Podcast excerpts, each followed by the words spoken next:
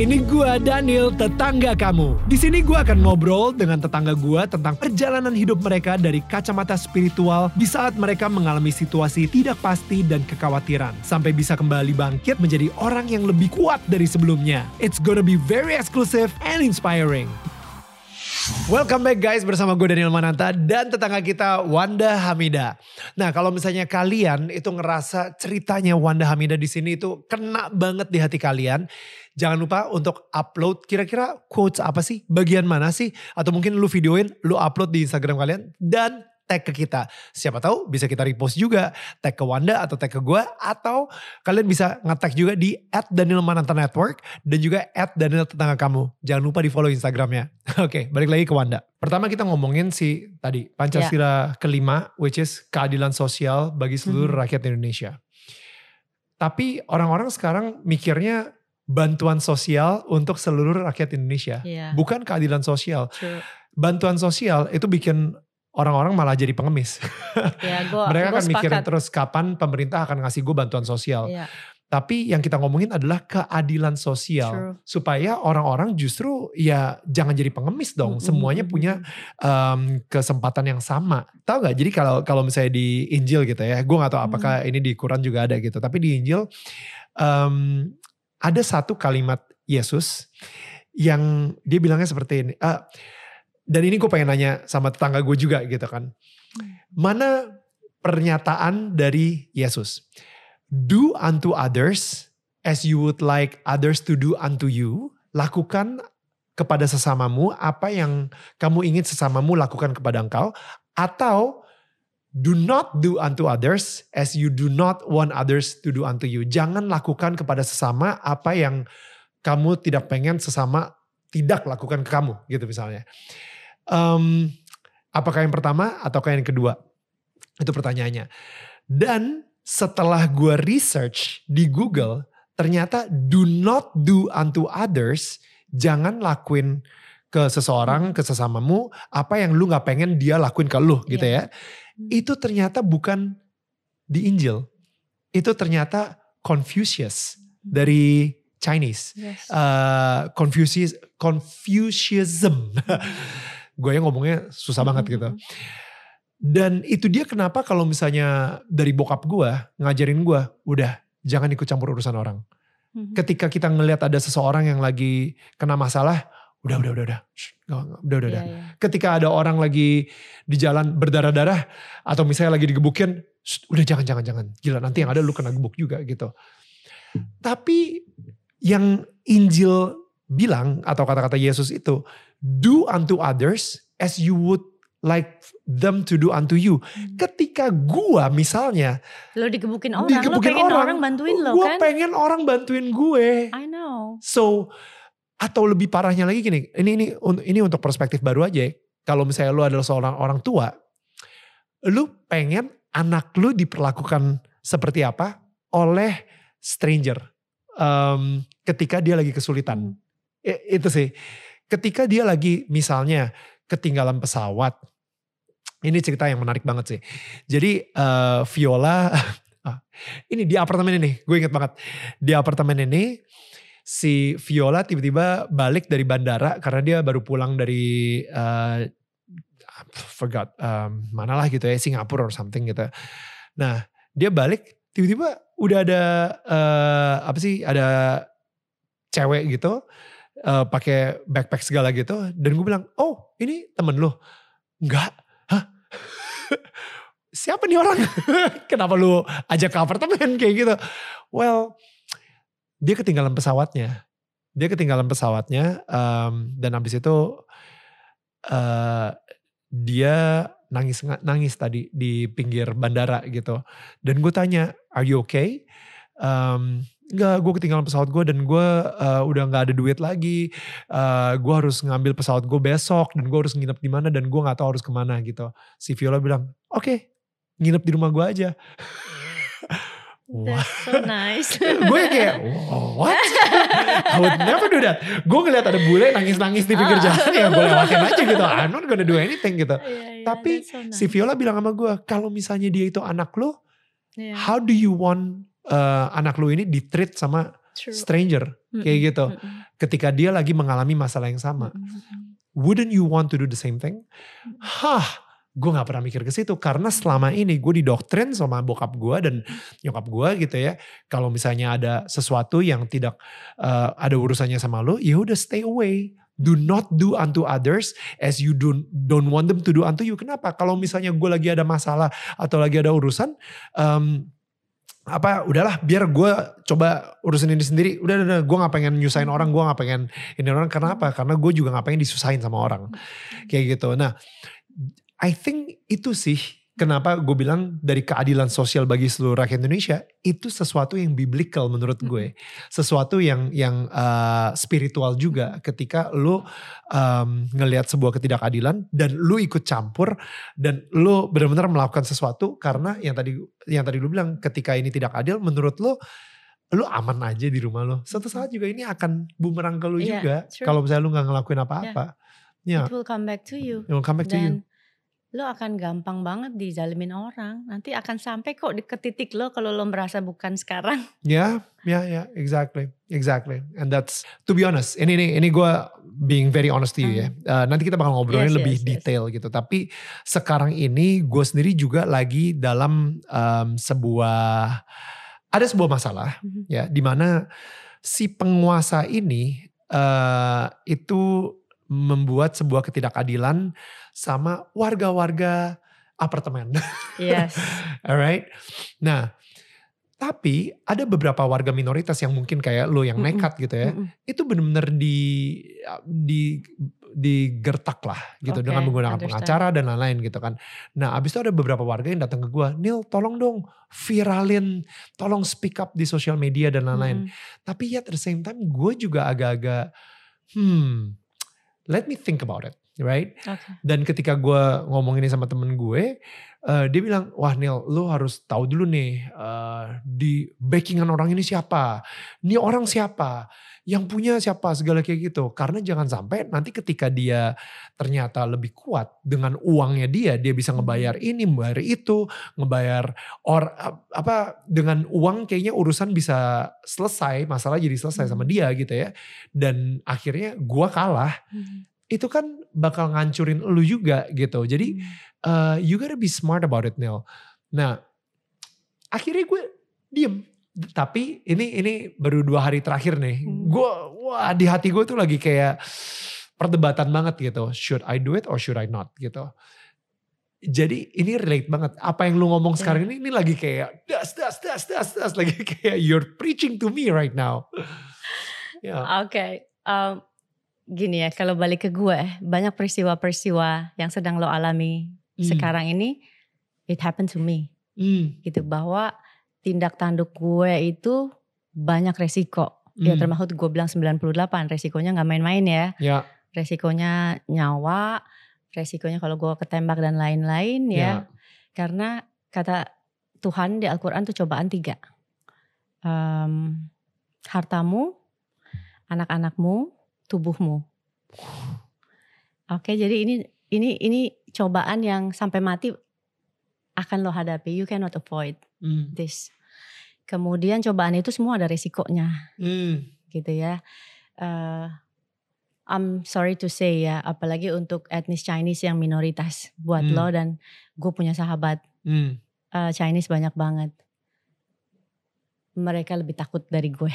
Lebih takut. Lebih takut untuk Hmm. bicara, lebih Hmm. takut untuk ya kalau dalam sejarahnya kan memang eh, saudara-saudara kita yang etnis Chinese kan lebih banyak penekanan ya sehingga mereka jarang yang ada politisi karena mereka takut to speak up ya. We only have I don't know Ahok Hmm. Hmm. Ya. ya kan itu satu dari Ya. sekian Ya. kan we- Ya. orang yang berani bicara And look what happened to him. itu. Ya. Right. Uh, anyway, terus udah gitu sampai ada suatu kasus yang uh, kemarin ya ada suatu kasus yang eh gue minta di kemarin gue bicara gue minta di backup sama uh, salah satu desainer eh um, Yang untuk Chinese gitu ya yang Ya. yang gue gue ngerasa bu aku enggak deh aku takut deh aku mendingan nggak ikut ikutan tadinya dia berani gitu ya posting di Instagram about this this this terus tiba-tiba aku dipanggil keluargaku kamu jangan Hmm. ikut ikutan deh karena kita punya history dari Oh ya, PKI bad kali memories, dari ya, zaman PKI gitu gitu. kan Ya. Sama zaman Orde Baru juga Mhm. dan lain-lain gitu. ya Jadi disurprise banget ya tapi sebetulnya kalau sekarang ini kan nggak cuma etnis Chinese yang mengalami itu. Tadi balik lagi dengan undang-undang ITE, orang-orang yang berani berkata benar, nyata berdasar on fact and everything, you can easily go to pr- prison gitu kan Hmm. lo bisa bisa di penjara walaupun benar gitu ya Hmm. makanya well um, that's why gua I wanna be politician banget untuk mencegah untuk nggak bikin undang-undang sampah seperti ini gitu loh sebetulnya gitu. Semua sayang kok nggak ke sana mudah-mudahan tapi gue makanya gue masuk politik tuh ingin membuat perubahan. Kalaupun terlambat kemarin undang-undang ITE kalau gue masuk politik it's my promise untuk menggagalkan undang-undang itu. Apa pun yang bertentangan dengan demokrasi eh, itu nggak harus dilawan lah menurut gue ya gitu Hmm. balik lagi kalau kita itu takut ini takut itu sampai kemudian kita nggak bisa bicara jujur dan bicara benar takut sama orang yang lebih tinggi yang lebih berkuasa Em, di atas langit kan selalu ada langit ya Daniel ya gitu tapi kan kita orang-orang beragama ya Hmm. Uh, we have to believe in God God gitu. Kalau lo percaya ketika uh, jangan kita maunya apa gitu. Sebetulnya uh, Tuhan maunya apa ya kalau gue di posisi seperti ini? Tuhan maunya gue diem apa I speak up? Wow. Gitu. Jadi sebetulnya kita tuh hidup di dunia ini jangan pikirin keinginan kita, pikirin keinginan Tuhan gitu. Kan gue percaya kalau kita pikirin keinginan uh, Allah, you have to believe dan He will protect us Hmm. Hmm. gitu. Kadang-kadang gak ada yang bisa percaya deh karena gue gue mengalami perlindungan Tuhan dan mukjizat Tuhan itu it's happen every day in my life Hmm. gitu. Jadi wow gak sebaik-baiknya pelindung itu ya Allah, sebaik-baiknya pelindung itu Allah. Eh, bahkan ketika lo dizalimi, lo pikir lo bisa minta tolong sama ya yang punya kekuasaan, enggak. Yang nolong selama ini yang nolong gue Tuhan. dengan doa lo ya Gitu loh. Jadi nggak usah gue rasa kalau gue ya, gue nggak pernah takut eh, berkata benar atau berkata jujur. Insya Allah karena I believe Hmm. uh, God will protect me Hmm. Hmm. gitu karena nggak ada kekuasaan yang lebih kekuasaan it's up and down berganti kok betul gitu mungkin orang yang zalim sama lo sekarang dua tahun lagi it's Ya. gone Ya. Ya. gitu jadi dan semuanya juga uh, semua we have to kita harus sadar ya bahwa semua yang terjadi dan yang kita punya sekarang ini ya itu semua titipan Hmm. gitu. Jadi gue percaya li- perlindungan uh, Allah Subhanahu Wa Taala dan gue mengalami hal itu Daniel gitu. Gue ngerasa gue nyusruk to my lowest button, nyusruk ke bawah ke titik nol tuh berkali-kali. Hmm. Dan gue ngerasa yang ngangkat gue hanya atas dengan izinnya petunjuknya Allah angkat gue lagi ke atas Hmm. gitu.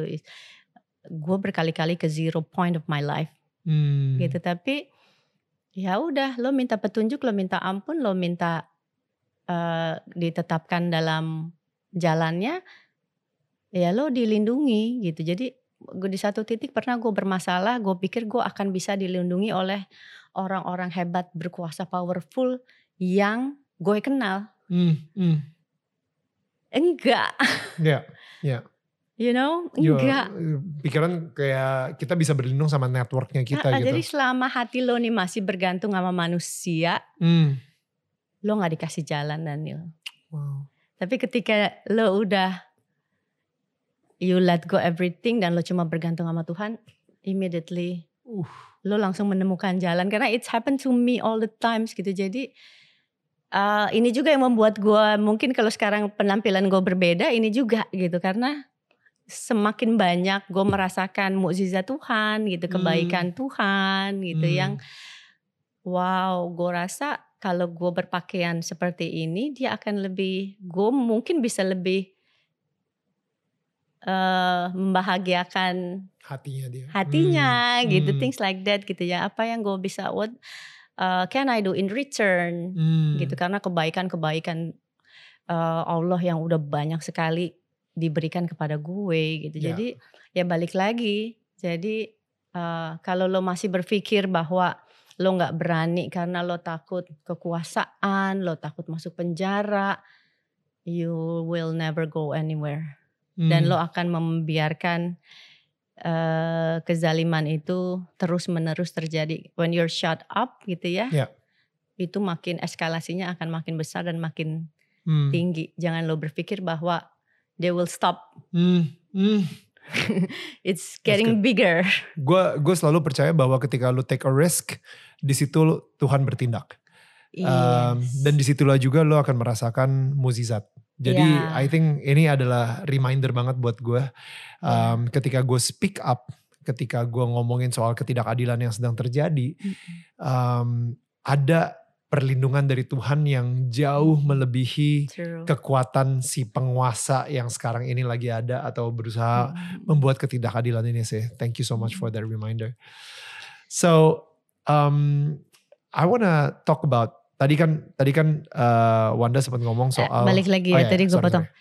lo lihat kezaliman negara-negara yang otoriter. Hmm, di mana yang mereka nggak tumbang sih?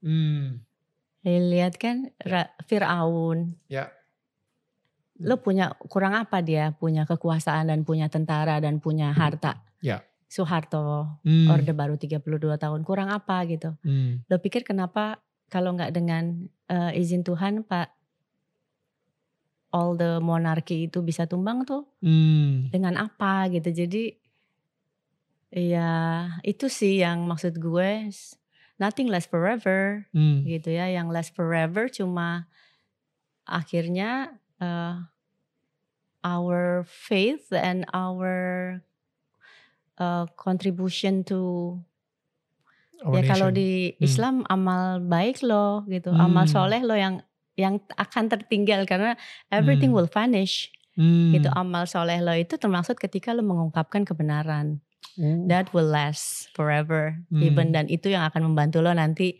uh, if you believe hari akhir ya hmm, ya, ya.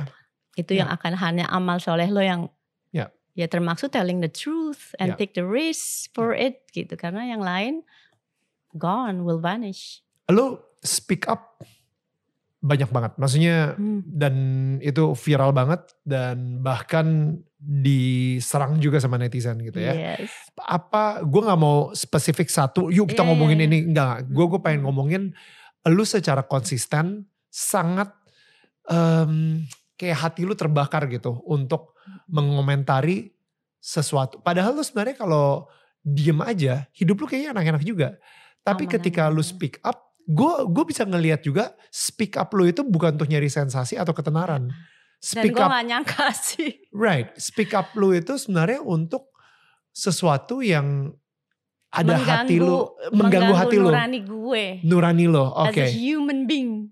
Kayak kayak boleh boleh tahu nggak apa sebenarnya yang mengganggu nurani lo? Dari ketika Gini, menjadi gue nggak suka lihat orang dibohongin, gue nggak suka lihat orang dizalimin, gue nggak suka lihat orang dibodohi, gue nggak suka lihat orang di abuse gitu. Jadi nggak perlu terjadi dalam hidup gue gitu Hmm, karena di Islam pun gue rasa di semua agama ya is a brotherhood. Kalau saudara kamu disakiti, you feel pain juga. hmm, Gitu. hmm, hmm, Uh, at least you can do something about it gitu hmm. kalau gue ya yang gue bisa gue speak up Ya. kalau ada yang bisa gue advokasi alhamdulillah gitu tapi Hmm. kalau gue bisa skip speak up I will always Hmm. uh, speak, speak, up, up, Ya, ya, gitu through Jadi, your platform, the social media. Ya. yes gitu terus kemudian juga uh, dan ketika gue speak up nggak ada untuk sebetulnya it's not to um, menjatuhkan seseorang karena nothing is personal ya buat gue gitu.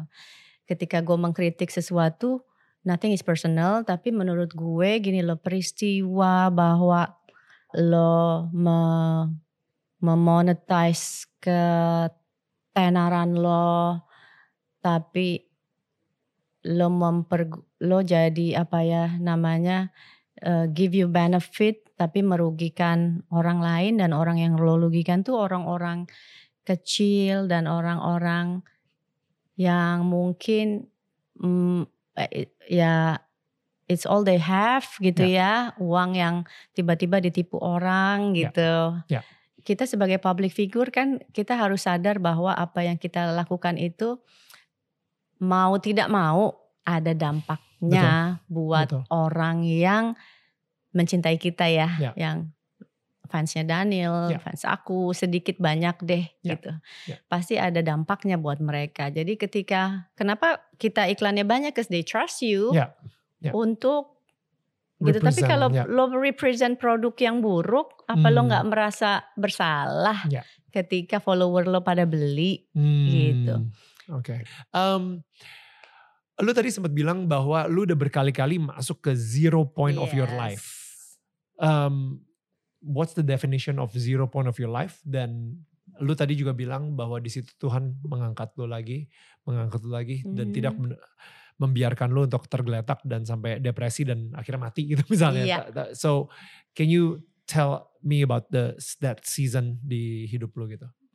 Uh, banyak sih, banyak banyak banyak banyak. Tapi ini semua proses dalam hidup ya. Kita semua proses zero point itu membuat gue lebih tough, gue lebih wise ya, lebih bijaksana menyikapi dan membuat gue menjadi diri gue yang sekarang. Mm-hmm. Gitu zero point in my life it's a lot gitu. Tapi kalau yang gue masih ingat mungkin is of course my divorce.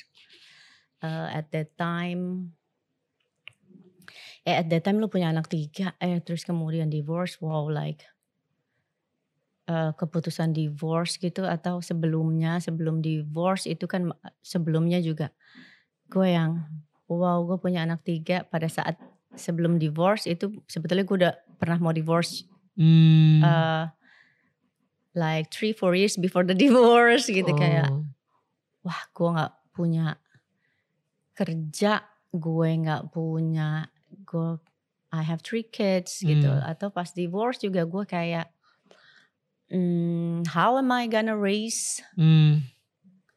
uh, the kids mm. and everything, where we gonna mm. stay, apa mm. segala macam.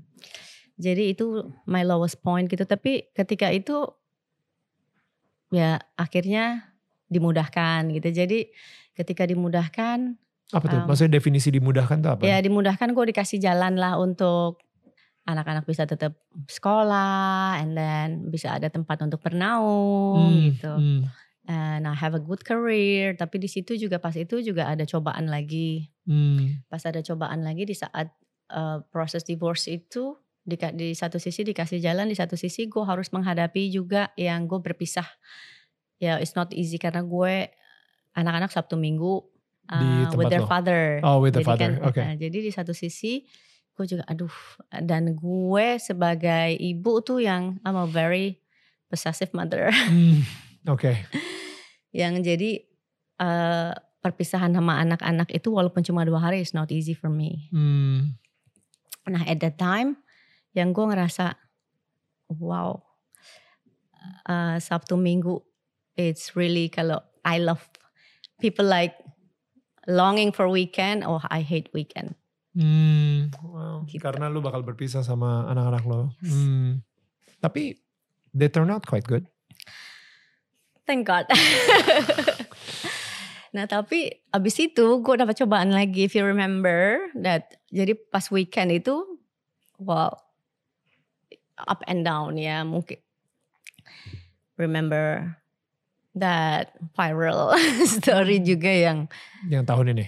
Bukan, oh, bukan. it's a long time ago. Oke. Okay during setelah gue divorce yang gue always go out and then kalau lo masih ingat peristiwa yang BNN it happened oh oke okay. itu gila banget kan oke okay. like gila itu, itu benar gue itu kan ada kayak itu it's, it's the lowest point in my life juga oke okay. ya yeah. tapi itu di saat wah Sabtu Minggu Sabtu Minggu and then because I want to pass Sabtu Minggu so hard. Secepatnya. Hmm. So I like to drink that time. Itu kayak pelarian lo. Yes. Hmm. Jadi gue suka, oh ya, uh, just to make it quick, Ya. you know. Tapi ya Tuhan lagi bahwa at that time kayak I'm in the lowest point, ya, I'm in the very lowest point. Gila.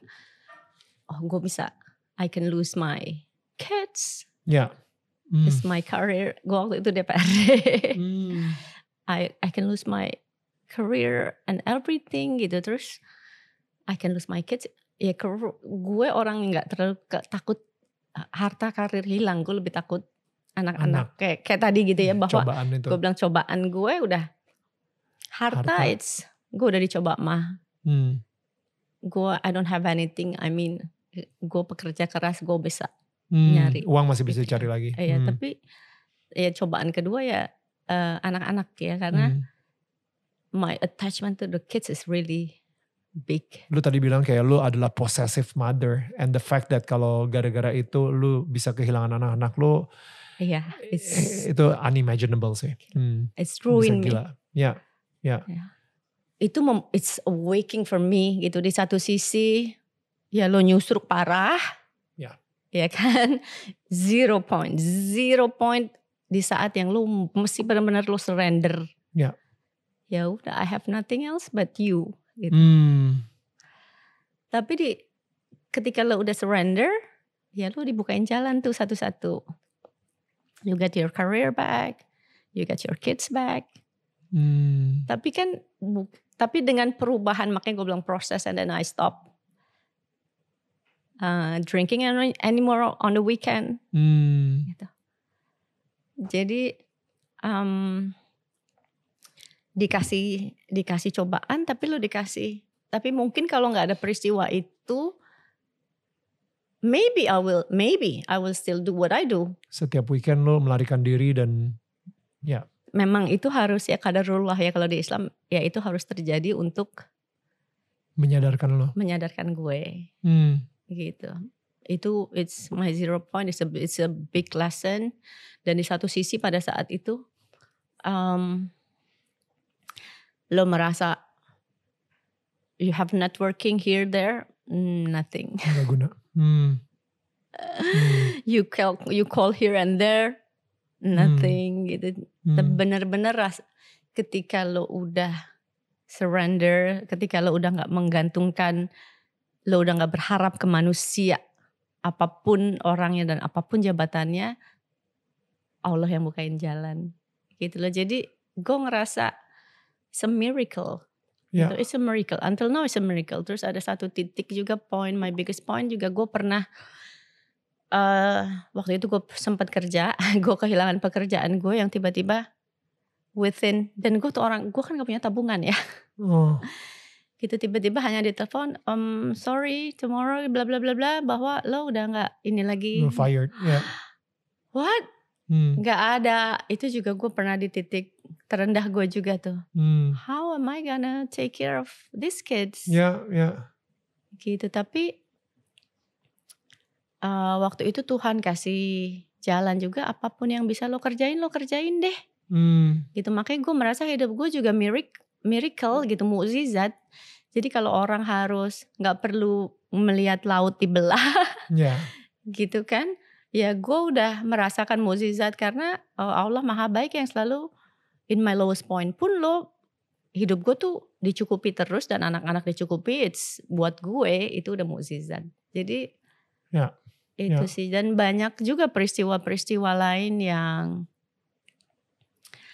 eh mukjizat juga kayak mungkin kemarin yang eh, gue terpisah sama anak gue yang kecil ya Hmm. Malakai. itu juga eh yang yang sebetulnya ya balik lagi di tangan Allah juga at the end gitu. Ketika lo berharap, oh enggak nih, oh I will win, I will win this case gini.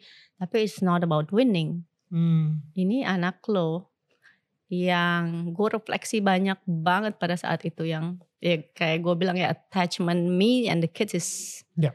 gitu bahwa ketika gue eh, apa namanya gue kajian gue eh, thank God sekarang gue udah larinya ke Tuhan ya Ya. gue larinya ke Tuhan jadi gue banyak kajian dan tiba-tiba gue uh, ngerasa bahwa oh anak emang titipan. Terus ketika gue gue ngomong ke ustadz gue it's good for you hah it's good for me what do you mean? Gitu kok kenapa gue dibilang? Ya karena attachment attachment attachmentnya terlalu besar kamu dan anak. Dan turn out attachment yang besar itu is not good. It's killing you. Wow. Gitu jadi bahwa sebetulnya apa pun ya nggak cuma sama anak. Ya. sama suami sama istri sama, sama harta. orang tua harta ya Hmm. harta is easy maksudnya Hmm, harta yeah. is you know Tapi sama orang tua gitu Ya, misalnya. tapi Iya, sama iya. manusia gitu attach is is the hardest Ya. ya kan Eh, kayak attachment yang attachment lo hanya boleh punya attachment yang paling tinggi itu to God true Ya. God cuma Ke Tuhan. attachment lo cuma boleh ke Tuhan Hmm. sebetulnya harta lo itu titipan Hmm. ya kan Sampai anak-anak pun juga anak-anak titipan. pun titipan orang tua lo titipan mereka cuma cuma lewat doang gitu loh Hmm. Hmm. gitu jadi bagus karena attachment kamu ke anak eh, Berlebihan. ter- berlebihan Hmm. gitu ini pelajaran juga buat gue Hmm. attachment yang berlebihan juga sebetulnya nggak bagus kalau lo lihat gitu mungkin ini contoh contoh soal attachment suami istri yang misalnya suaminya meninggal hari ini Hmm. istrinya meninggal bulan berikutnya Hmm. gitu ada yang kalau lo lihat pada saat covid ya banyak ya Ya, ya. suami mandiin jenazah istrinya pas nggak lama dia sholatin dia juga meninggal Hmm. terus kalau lo baca eh yang waktu penembakan di Amerika yang random yang so, gurunya ditembak Hmm. random itu tembakan terus suaminya terima telepon jantung Dia jantungan meninggal. meninggal gitu Ya. Jadi eh, attachment yang terlalu kalau lo nggak sadar bahwa semua orang-orang dalam hidup lo itu titipan it's uh, depressing Ya. it's killing you juga. It will kill you. Ya. ya kan lo punya istri Hmm. gitu kalau lo nggak sadar bahwa titipan Hmm. anak lo titipan ya lo nggak you will lo akan mempertanyakan Tuhan Hmm. kenapa ini terjadi sama gue kok lo sejahat ini gitu Ya. Banyak orang-orang yang dikasih cobaan but then menjadi nggak percaya Hmm. iya kan menjadi Ya. menjadi ateis merasa Tuhan jahat dan jadi nggak percaya Tuhan gitu loh Hmm. padahal semuanya cuma lewat dalam hidup lo gitu Hmm. termaksud ya termaksud ya harta termaksud manusia dan termaksud yang a big attachment ya anak-anak orang tua suami atau istri Ya. yang sebetulnya kalau lo kehilangan mereka dan lo depresi banyak ya. People depresi people stress they go crazy masuk rumah sakit jiwa. Ya. itu it's because of that attachment. Ya. tapi kalau lo serahin lagi ke Tuhan you will lo secara conscious lo mengatakan bahwa oh I have to let them go. Hmm. Eh, ya sama ketika nggak tahu ya kalau divorce mungkin ya memang pernikahan gue memang I have to let them go. Hmm. emang cuma sampai sini gitu. Eh, garis tangannya takdirnya gitu. I tried. I'm doing my best. Gitu. Tapi memang kata Tuhan ya sampai sini. Sama juga kehilangan karena meninggal ya. Hmm. Hmm. gitu ya you have to let go Om de. Yang punya udah minta kok. Hmm. Hmm. gitu ya. Terus sama ke anak-anak juga. Mulai anak gue kan kemarin yang yang eh, ke di UGM ke Jogja. Berat kan? Nggak Hmm. belum ke Amerika belum ke. Tapi itu di titik loh. Ya you have to let them go di satu titik. Lo nggak bisa keep Terus possessive, everything. Nggak ada yang lo bisa kuasain dalam hidup ini. Hmm. semuanya akan vanish gitu. Jadi tapi kan proses let go itu kan luar biasa ya. Hmm. gitu. Kalau lo nggak kuat ya it's ruin you Ya. from inside ya lo depresi lo sedih lo stres lo Ya. maybe you wanna kill someone maybe you want to kill yourself Ya.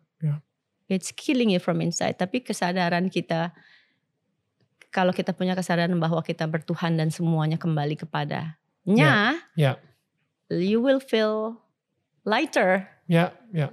Contoh kayak tadi lu ngomongin soal takdir Hmm. atau em, apa kadur Allah ya. gitu. kadar Allah ya Em, lu ngomongin soal itu, itu gue bingung sih, apakah lu menyerah pada takdir atau lu berserah sama Tuhan? Where is the line? Ngerti gak lo? Jadi kayak lu udah berusaha banget untuk tidak bercerai Mm-mm. dan gue, I don't know ya, maksudnya gue yakin lu sendiri juga gak mau cerai sampai dua kali. Yeah, true. But yet, um, kapan lu tahu bahwa ini kalau misalnya gue fight lebih gila lagi, gue akan usahain mati-matian, yang ada it's Tuhan bakal marah. Gitu.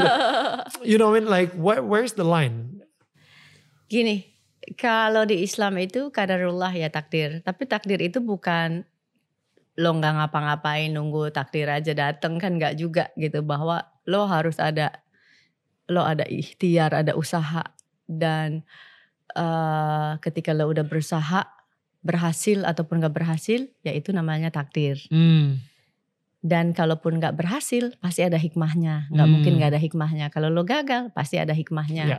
lo jatuh terpuruk kayak gue kembali ke titik nol berkali-kali pasti ada hikmahnya pasti itu Hmm. untuk kebaikan lo juga Hmm. dan gue udah merasakan itu ya Hmm. semuanya untuk kebaikan gue jadi itu namanya kadarullah jadi ya Right. lo harus ikhtiar dulu Hmm. gitu jadi Bukan menyerah ya, maksudnya Hmm, bukan hmm. bukan kayak ya udahlah Tuhan terserah lu gue mau ngapain segala kayak gitu. Iya betul. Bukan kayak ya gue nggak punya duit gue miskin ya udah takdir Tuhan ya nggak gitu juga kali gitu ya lo Hmm. tetap Hmm. setiap hari you try to do something gitu Hmm. to make money Hmm. untuk untuk berusaha dan mencari jalan gitu Ya. maksud gue kayak ya burung aja pergi di pagi hari pulang dengan perut kenyang masa manusia betul. nggak begitu kan Betul. begitu ya sama aja dengan eh ya sama juga dengan pernikahan bahwa eh, ayahnya anak-anak gue memang harus bagian dari bagian dari hidup, Hidup, gue dan ya. gue akan gue akan belajar dari itu begitu pula dengan mereka mungkin mereka nanti belajar juga dari hidup dengan gue mungkin they will find a better person Hmm. buat mereka perhaps I will find a better person Hmm. for myself gitu. Ya. Jadi sebetulnya kalau di Islam ada tiga yang itu rahasia Tuhan, Hmm. ajal, jodoh, rezeki Hmm. Hmm. gitu. Ya you just have to trust trust him. Trust him. Dan lu dari tadi, I I feel, gue pernah, oke, I know you hate this word. Cuman maksudnya kayak, I don't know, gue ngobrol sama lu, kayak kita ini in the same spiritual frequency. Iya. Dan gue ngerasa nih kayak, you you hate this word, hijrah. iya. Right. Kenapa? Dan maksudnya dengan dengan lo udah berhijab juga dan lain-lain gitu ya. Tapi kenapa hijrah itu sebuah kata yang lo masih belum nyaman? Oke. Enggak enggak gini.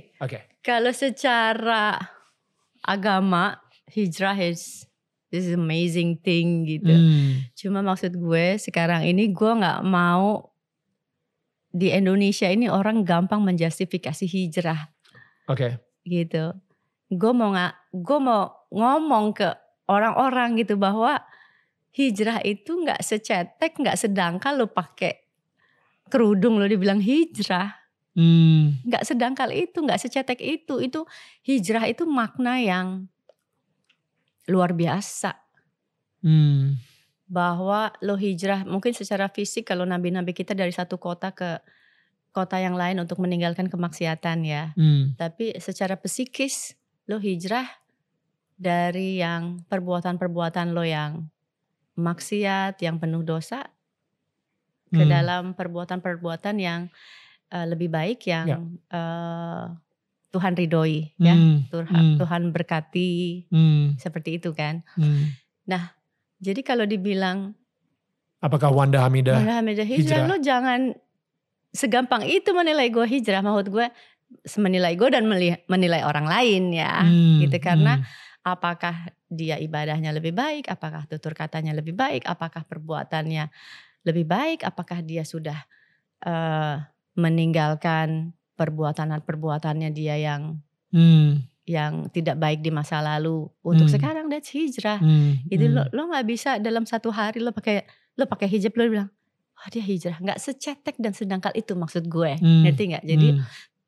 jangan justru gue bukan nggak dibilang mau berhijrah tapi jangan menilai gue dari dari hijab lo. Penampilan gue nanti nilai Hmm, ya nanti kalau lo melihat gue berhijrah ucapkan dalam hati ketika lo udah bisa melihat I'm a better person. Ya. Itu sih maksud gue Ya. gitu. Jadi gampang banget orang Ya. eh, karena I'm sorry to say ya banyak orang yang korupsi. Lo kalau lihat koruptor semuanya pakai pakai hijab ya Hmm. gitu. Is it Pinangki pakai hijab gitu. Is, udah berhijrah belum tuh dia? Hmm, Kan susah ya hmm, hmm. gitu. Jadi dan di media sosial kalau ada peristiwa apa tuh yang komentarnya sadis-sadis sama gue tuh yang pakai Ya, pro, foto profilnya. yang pakai hijab maaf ya yang pakai hijab semua maksudnya oh there's really such dan yang dikeluarkan kata-kata yang sangat Ya. Bukan kritik yang menghina sekali. Hmm, jadi I don't think that. Hmm, jadi nggak gampang gitu. Maksud gue gue pengen memberikan pelajaran bahwa kata hijrah itu sangat bermaksarat makna yang luar biasa gitu. Jadi nggak sekedar penampilan eh, fisik lo aja berubah gitu. Tapi banyak elemen lain yang lo harus tinggalkan dan menuju sesuatu yang ridho Allah kalau enggak ya itu nggak berhijrah sih menurut gue kalau lo nggak Apakah hijrah itu berarti lu lebih suci? Apakah apakah ketika Nah, gue tuh nggak mau justru gini loh. Makanya gue di gue nggak mau kata-kata hijrah, kata-kata hijrah itu kan nggak bisa. Sekarang banyak orang dengan keatribut kalau memakai atribut agama menganggap dirinya lebih suci. Hmm, Nah itu gue nggak mau. hmm, hmm, Itu yang gue hindarkan gitu. hmm, Karena ya itu banyak juga tadi jangan lo menilai orang dari hmm, penampilannya. Karena kalau lo menilai orang dari penampilannya lo gampang dibohongin, gampang dimanipulasi. hmm, hmm, Ya kan? Menteri Agama masuk penjara hmm. gitu. Jadi jangan menilai di situ. Hmm, Makanya jadi kalau bukan dari atribut, bukan dari atribut lo menilai orang gitu loh. Hmm. Tapi tapi dari eh, perilaku dia. hmm, hmm, gitu kalau masih korupsi, kalau masih bermaksiat, kalau masih berzina, kalau masih ya itu ya lo is not hijrah walaupun penampilan lo tertutup rapat gitu. Jadi jangan mau di deceive di ya ditipu. ditipu dengan penampilan. Gue gue oke eh, karena tadi gue sendiri juga udah bilang gitu ya bahwa kita ini kayak ada di the same spiritual frequency. Yes. Gue ngerasa em, gue ada di sini pun kita ngomongin soal Tuhan. Orang-orang Hmm. di sini juga pada tahu kalau misalnya di Daniel Tengah kamu gue excited dan passionate banget ngomongin soal Tuhan gitu Mm-mm. kan. Dan eh, Ya, kalau misalnya di Kristen atau Nasrani itu mereka suka bilang ini namanya lahir baru gitu Ya. kan. Em, Ya. Kalau di Muslim itu hijrah. Yes. Nah, gue eh, ngerasa orang-orang ketika sudah menaruh label hijrah atau lahir baru, berat.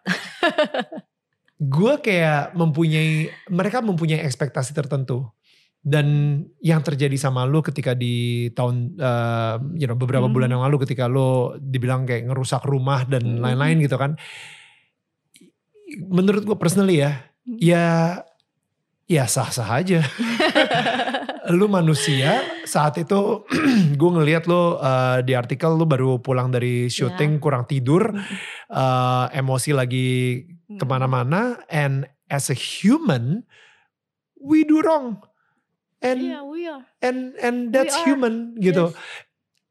itu adalah manusia yang lagi mencoba untuk men- menjadi lebih baik bukan True. artinya kita sudah super baik kita Yes. mencoba untuk menjadi lebih baik Iya. dan yang gue ngeliat eh, di beberapa artikel dan interview lu minta maaf Yes. you know lu minta maaf dan Ya. bahkan yang lebih kerennya lagi anak lu sendiri yang menyadarkan lu Mm-mm. untuk tidak melalui jalur hukum lah dan lain-lain gitu. Dan menurut gue, em, lu menjadi jauh lebih baik. Bayangin kalau misalnya ini terjadinya mungkin beberapa tahun yang lalu, mungkin you know what I mean like it it Iya. might not happen this way gitu. Mediasinya mungkin gak Exactly. secepat ini gitu. Iya.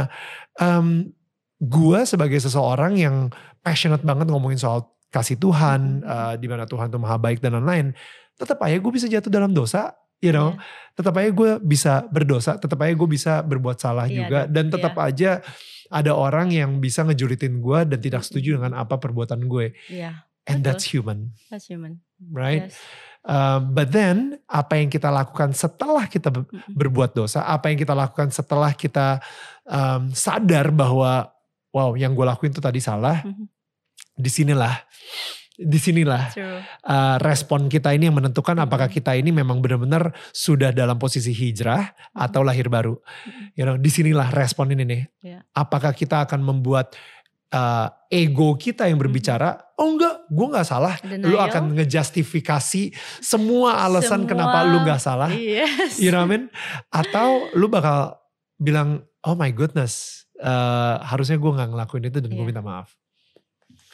You know what I mean? Like Iya, I iya. think I think um, emang bener sih eh, label hijrah atau label eh, lahir baru ini itu sesuatu label yang berat banget dan karena di apa ya mass market ini ya mereka bilang oh begitu lu hijrah udah lu harus sempurna Dan sorry ya jadi jadi jualan gitu. Maksudnya eh ya gue berharap orang mendapat makna yang lebih dalam dari itu gitu. Nanti dia kalau lo lo lihat perubahan gue kalau gue tambah baik kan gak gampang ya ngelihat proses seseorang gitu. Jadi buk- balik lagi eh balik lagi bukan cuma bukan cuma fisik dan di satu sisi gue juga gue menolak untuk dijudge orang Hmm. seperti gue menolak juga menjudge orang gitu. Hmm. Tadi kita di awal kita udah Ya. membahas itu tuh judging people gitu. gue menolak karena di satu sisi juga menurut gue gue ini orang yang selalu belajar. Hmm. Jadi gue gagal gue bangun ya jatuh tujuh kali bangun delapan kali wow, ya. gitu. Jadi gue ini orang yang selalu belajar eh supaya gue nggak timbul rasa sombong dalam Hmm. hati gue. Kalau lo udah, oh Wanda hijrah, oh sekarang dia lebih suci. Itu kalau udah ada sedikit kesombongan dalam diri lo Hmm. Di agama gue, itu tuh udah luruh tuh semua tuh.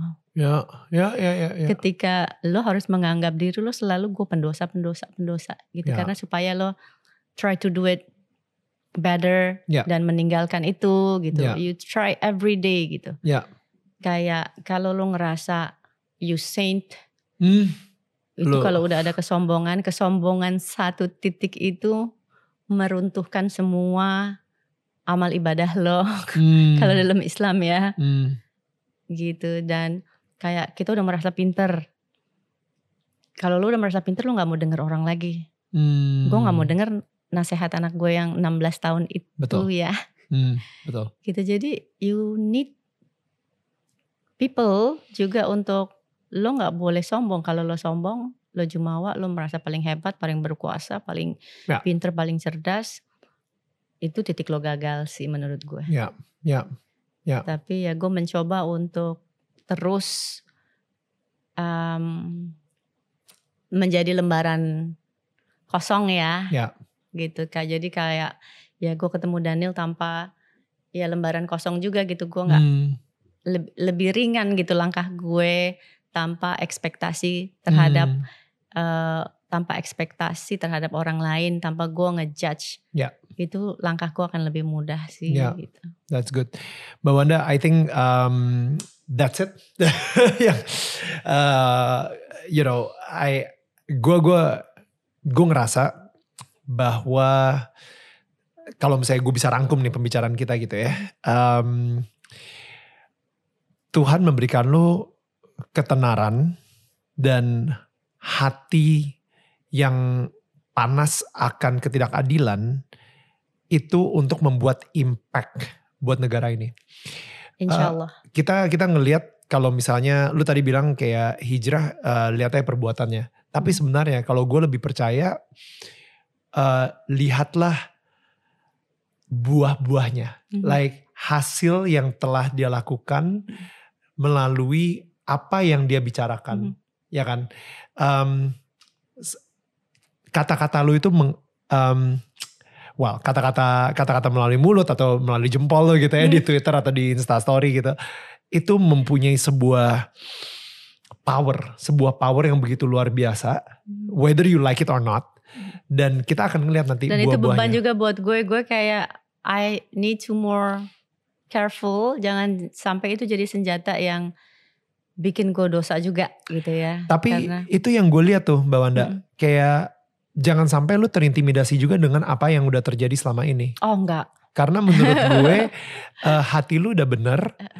Uh, and I think kayak ketika lu speak up tentang sesuatu dan akhirnya kita sedikit demi sedikit mulai melihat ada perubahan di negara ini misalnya dari orang-orang yang ternyata atau dari media yang uh, ngeblow up dan lain-lain gitu ya kayak oh my goodness oh oh actually dia bener gitu. Dia dia oh buah-buahnya itu akan terlihat Amin. sedikit demi sedikit gitu. Mungkin waktu ya Tuhan juga and if we can do it together for sure gitu. Contohnya ini gitu misalnya. world, ya yeah, gitu exactly. Um, jadi dengan dengan apa yang lo lakuin gue sangat support banget. I encourage you to keep doing it. Mm-hmm. boldness uh, dengan mm-hmm. keberanian lo um, dan jangan sampai terintimidasi dengan apa yang udah terjadi dan jangan sampai terintimidasi sama netizen. And I think lu nggak pernah sih ya. terintimidasi sama netizen sih, gitu. Alhamdulillah. Ya, jadi uh, we need more people like you. Amen. I think itu yang. Thank you. Please Thank you. Uh, support me. It's not just we support each other. Ya, ya. Uh, untuk mulai berani. Hmm. Ya, is ya kalau buat gue is a privilege for me gitu ya. Hmm. Uh, tapi gue yakin kok uh, Tuhan itu suka kebenaran, suka ya. kejujuran. Jadi Betul.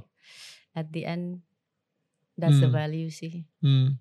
Bahwa kita ketika kita itu kan kita ngomong nggak bukan untuk bukan untuk apa ya, bukan untuk menjatuhkan, bukan untuk hal-hal yang negatif ya. Hmm. Hmm. Gitu. Jadi uh, kembali lagi semoga ya kita yakini diri kita bahwa uh, kalau kita berbuat benar pasti He will hmm. always protect us. Ya, amin. Thank you Mbak Wanda dan uh, ini ada uh, souvenir dari kita. Thank you. Isinya rumah. Tetangga saling menyangga, bukan menyanggah. Oh iya iya. Hopefully kita bisa saling menyanggah. Kita iya ya di nanti ya di ya. di situ ya di daerah kita ya. gitu ya di selatan. Thank you banget Mbak Wanda. Thank, Thank you, you so much again for coming and uh, and of course mudah-mudahan kalian sendiri juga suka dengan pembicaraan kita hari ini dan uh, I I love this conversation dan kita akan ketemu lagi minggu depan dan again seperti kata Mbak Wanda tetangga saling menyangga bukan menyanggah. See you guys. Bye. Thank you so much guys sudah mendengarkan podcast Daniel Tetangga Kamu. Dan jangan lupa di follow podcastnya dan share ke sosial media kalian menggunakan hashtag Daniel Tetangga Kamu. Sebisa mungkin gue akan repost keseruan kalian ketika lagi mendengarkan podcast ini. Kalian juga bisa menyaksikan Daniel Tetangga Kamu setiap hari jam 4 sore waktu Indonesia bagian Barat di channel YouTube Daniel Mananta Network. Karena setiap minggunya akan ada sosok-sosok inspiratif yang akan menceritakan perjalanan hidup mereka dan hubungan mereka dengan Tuhan. Sampai ketemu minggu depan.